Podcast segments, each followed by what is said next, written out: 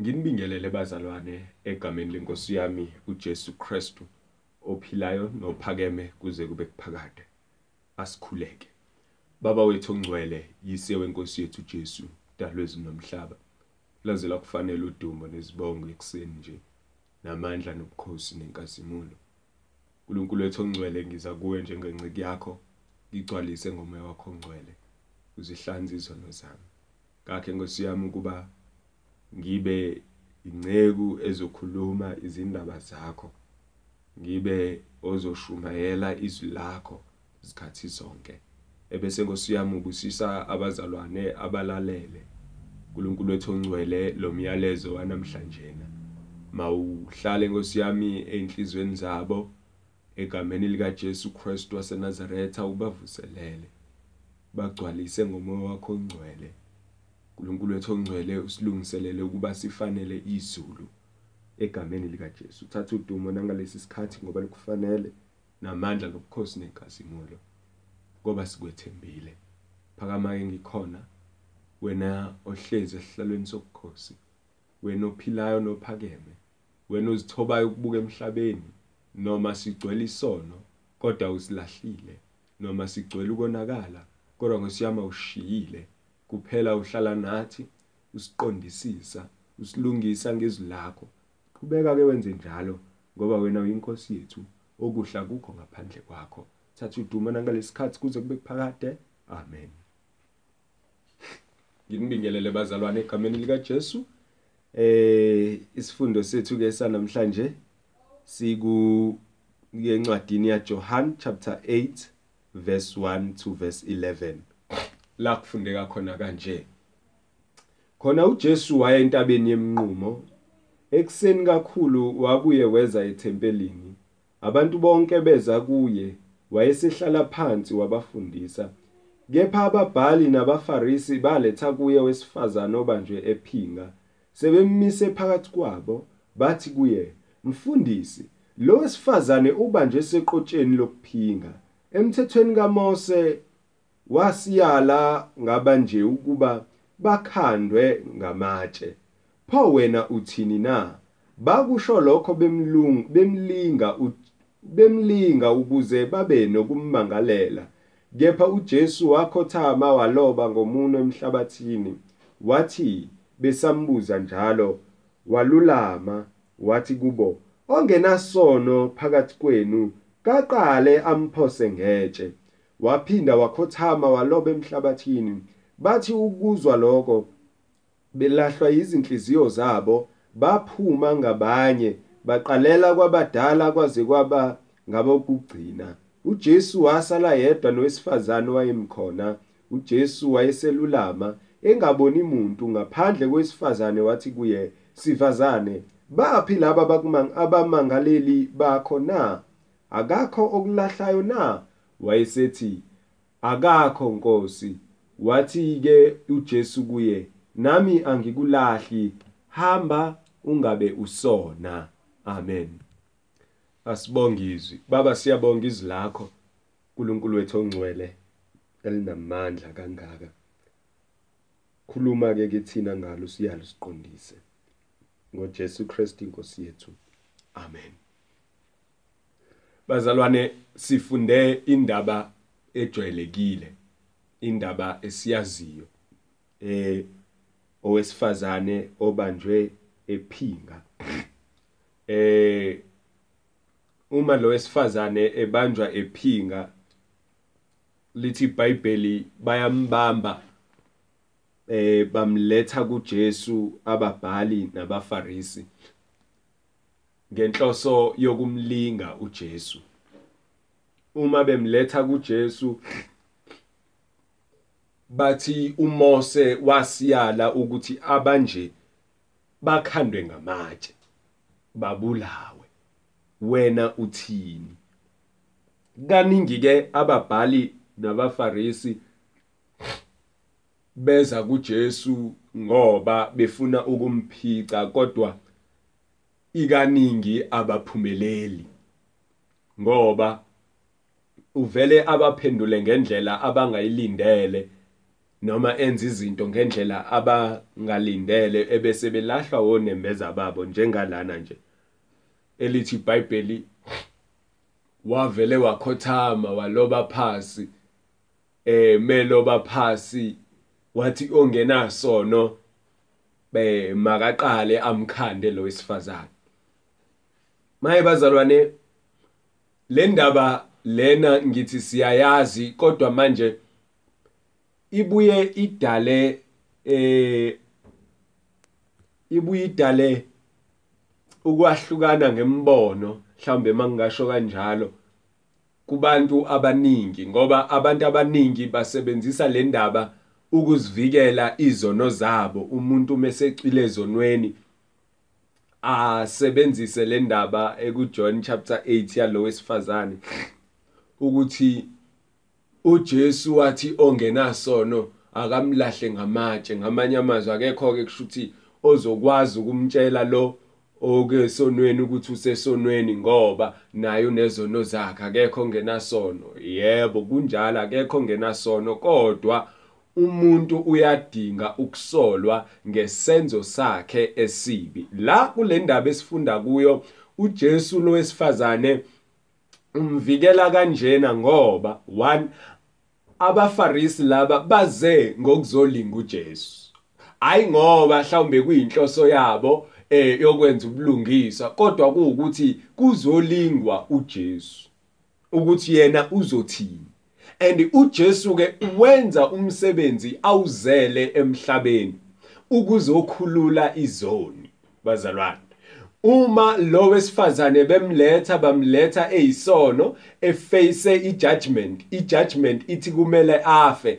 Kanjalo nathi ezimpilweni zethu silethwe phambi kaNkuluNkulu sibekelwe ukuthi nazi izono zethu sifanele ukufa uJesu weza wazithatha izono zethu wafa efela thina ukuze thina singakuboni ukufa. Lo wesifazane ke uze eh ulethwe abantu sebeqedile sebesibonile isenzo sakhe sebeze basho ukuthi isinqumo sokuthi eh owenze kanje wenziwa kanjena sesikhona. So sekuthiwa ke wena Jesu thina uthi kuJesu ke nyenza lo msebenzi enguzelele emhlabeni ngizokhulula izoni. Ongenasono makaqale amphose ngetshe now uma ethi ongenasono akamphose ngetshe bazalwane ngifuna ukugcizelela lokhu ukuthi akakhondoni uJesu ukuthi senze izono.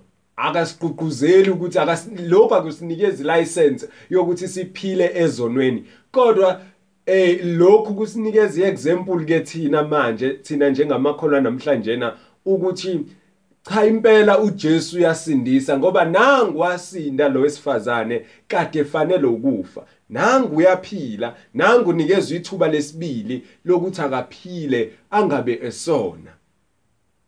Abantu abaningi bayathanda ukuhlanakezela le ndaba ukuze bezokwenza njani? Bezophila ezonweni. Kodwa le ndaba bazalwane isifundisa ukuphila ezonweni isifundisa ukuphuma ezonweni.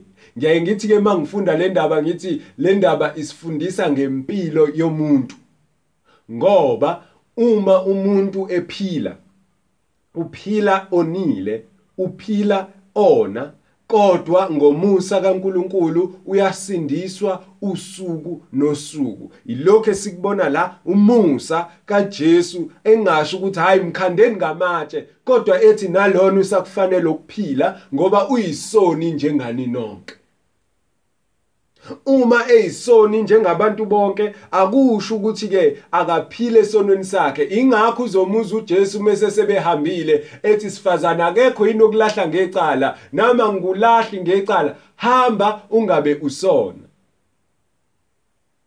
So kule ndaba lena sifunda ukuthi eh labantu labo kube bekuyamakholwa anamhlanje nalababhali nabafarisi akade beza namatshe ukuzokhanda lo wesifazane akade beza nejudgment ukuzohlulela lo wesifazane. Eh ukube bekuyamakholwa namhlanje na besofunda ukuthi labantu mhlawumbe ingathi kuvuke eh uRomans chapter 3 verse 23 uma kumele basakaze lo wesifazane ngamatshe kodwa uma ethi uJesu engenasono makamshaye iqala ingazi ukuthi kuvuke wona uRomans chapter 3 verse 23 uma ethi bonke bonile basilalelwe inkazimulo kaNkuluNkulu. Ingathi bakhumbule lawo mazwi ukuthi eene asikho bahle. Ngamanye amazwi mangavela amafayili ethu nathi singafanele ukujajwa kanye nalomuntu. Kodwa siphila nje kungomusa.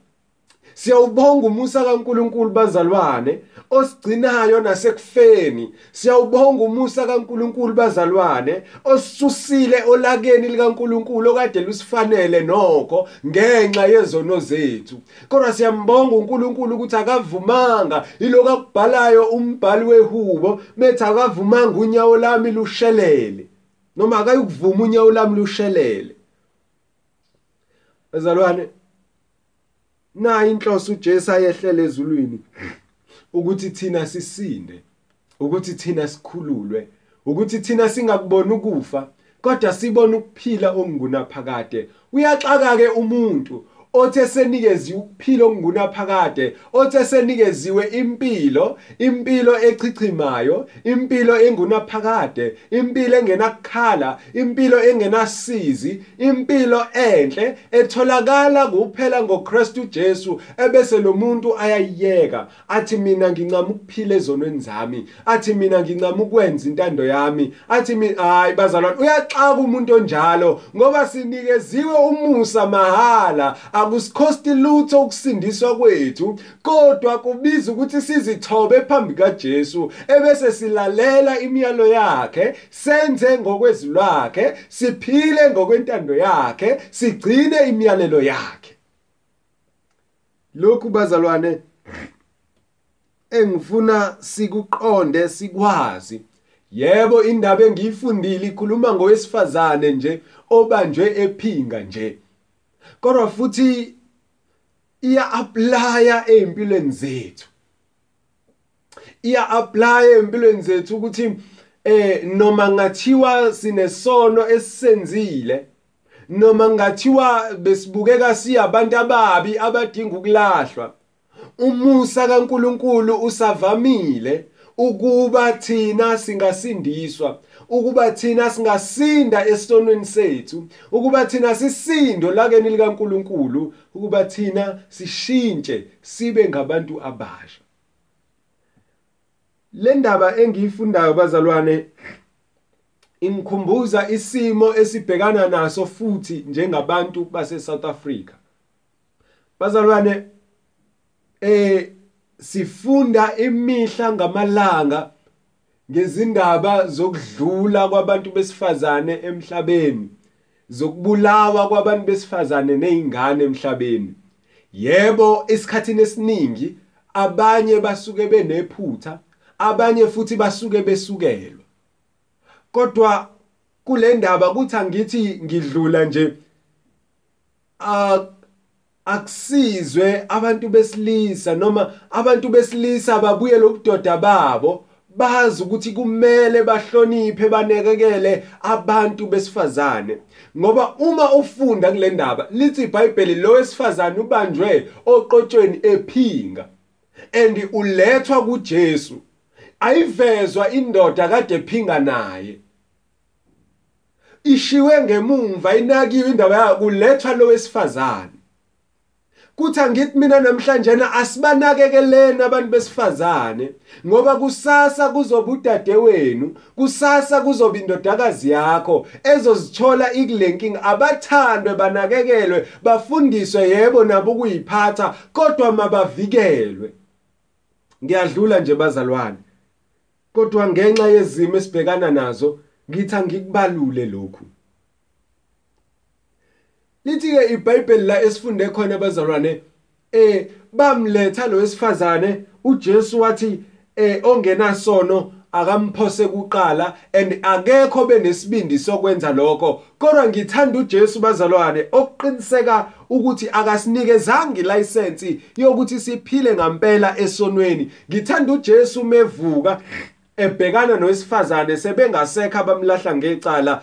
Uthi ke hamba ungabe usona. Nayi ke bazalwane into esayinikezwa ensindisweni yebo salandwa siyabantu abagcwele isono yebo salandwa siyabantu abahlubukile yebo salwanda siyabantu abamdelelile uNkulunkulu bangayenza intando yakhe. Kodwa sesilandiwe sabekwa phambi kaNkulunkulu satshelwa ukuthi owenza isono ungokasathane 1 John chapter 3 Kodwa ke sesilandiwe ke manje sesenziwe abantu abasha sesinikezwe ulubofuzo lasezulwini sesiyabantu abana abanyanya isono sesiyabantu abangasifuni isono sesiyabantu abangazosenza isono sesilandiwe phela sekumele sibe ngabantu abazophila banyanye isono.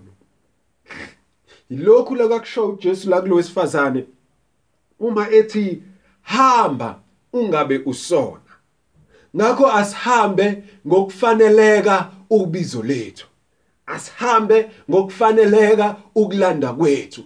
Yebo beyisizoni izolo. Yebo besiyabantu ababizono kodwa uJesu wasifela. uJesu wayithwala izono zethu. uJesu wasikhulula. Asihambe njengabantu abakhululekileyo ngoba uma indodana yomuntu inikhulula ningabakhululekileyo impela. Sesikhululiwe sesifundisiwe sesiyaliwe asiphume ezonweni zethu. Asinga enjoy bazalwane ukuhlala ezonweni kodwa masiphume siphilele uKristu siphile ngentando kaKristu senze lokhu uKristu asiyala kona. Ngoba asisindiswe ngokwemsebenzi kodwa imisebenzi yethu bazalwane ingeyokubonga uNkulunkulu ngokuhle asenzele kona. Ngakho ke bazalwane ngiyanxusa ngobubele bukaNkulunkulu ukuthi asihambeni ngokufanele ukulandwa kwethu. Sesingabakhululiwe sesingabalandiwe sesingabasindisiweyo asinyanyeni isono ngiyanxusa. Awukuhlukane nalesono senzayo. Awukuhlukane nalezinto zenzayo ezingamdumisi uNkulunkulu. Ngoba abantu bathi bayakholwa kodwa izinto abazenzayo azikhombisi ukukholwa. Ngoba abantu bathi basindisiwe kodwa umlomo wabo osho lokho inkamba ikwenzi lokho. Ngoba abantu bahamba befakaza befakaza izenze ezinhle abathi bayazenza kodwa molandela impilo yabo abakwenzi lokho. Hamba ungabe usona. Hamba ungabe usona. Khombisa phela ukuthi uthethelelwe. Khombisa phela ukuthi usuyisidalo esisha manjena. Khombisa phela ukuthi wena wenziwe kabusha. Khombisa ukuthi uKristu wakufela. Hamba ungabusona phila phela njengomzalwane. Phila ngama principles okukholwa. Phila njengomntwana kaNkuluNkulu. Musukuthi umntwana kaNkuluNkulu kodwa izenzo zakho zikhombisa ubutwana bukaSathane. Awuyena wezwe wena. Phila ke njengomuntu wasezulwini. Ozoveza izithelo zikamoya eziwukulunga uthando phila ngokufanele ukulandwa kwakho. Hamba ungabusona. Hamba ungabusona. Iloko bazalwane ngifuna ukukhuluma namhlanje. Ukuthi hamba. Ungabusona khulule nalo omqondo wakhe uthi hayi kusho ukuthi sanikezwe ilicense la yokona kuleli passage cha asinikezwanga. No. Hayi sindiswa ngomusa so akudinga emsebenzi vele noma ngenza ukuthi ngoba vele nje kusindiswa ehene no no no no no no mawusindisiwe ngomusa phila phela njengomuntu owamkelile umusa. Hayi uNkulunkulu ubheka inhliziyo ubheka inhliziyo kwani engabe uyaphila wena uphile phile uphilela uKristu. Ngoba phela lokhu okwenzayo ngenyama ikona lokho okuhlose ngenhliziyo. Angeke inhliziyo yakhe ilunge. Inhliziyo yimbi usho njalo Jeremiah. Ubani ongazayo ongayaziyo? Ingumkhohlisi. Inhliziyo yomuntu ke leyo. Ngamanye amazwi ke mokade uthi hayi vele uNkulunkulu ubheka inhliziyo ukuze kanjani kanjani. Lalela ke inhliziyo yakho yimbi igcwele inyama udinga uKristu ukuba ihlanze. Akunikeze ukukholwa okuyikho. Phila njengomuntu ofanele ukusindisa njenganomuntu ofanele ukubonga umusa. Lo awuzuzile. Hamba ungabe usona. Asithandaze. Baba wethu ongcwele yise wenkosi yethu uJesu dalo ezulu nomhlaba. Nakulesikhathi siyabonga ukusivuselela nokusigqugquzela ukuba siphile singabe sisona. Siyabonga ithuba lesibili esilinikiweyo lokuba siphile. Siyabonga ukuthi siyeza kuwe Nkosi yami sigcwele izono sixakanisekile. Kodwa wasikhulula wasingcwelisa wasakha. Hlala nathi ke nangalesi sikhathi ngoKristu Jesu inkosi. Qhubeka usakho silondoloze usivikele njalo. Ngokuba wena unamandla futhi uyaphila. Kusukela ngalesi sikhathi kuze kube phakade. Amen.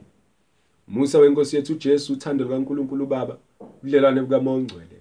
Makube nathi sonke kusigcine kusilondoloza azabuye uJesu Kristu inkosi yethu. Amen.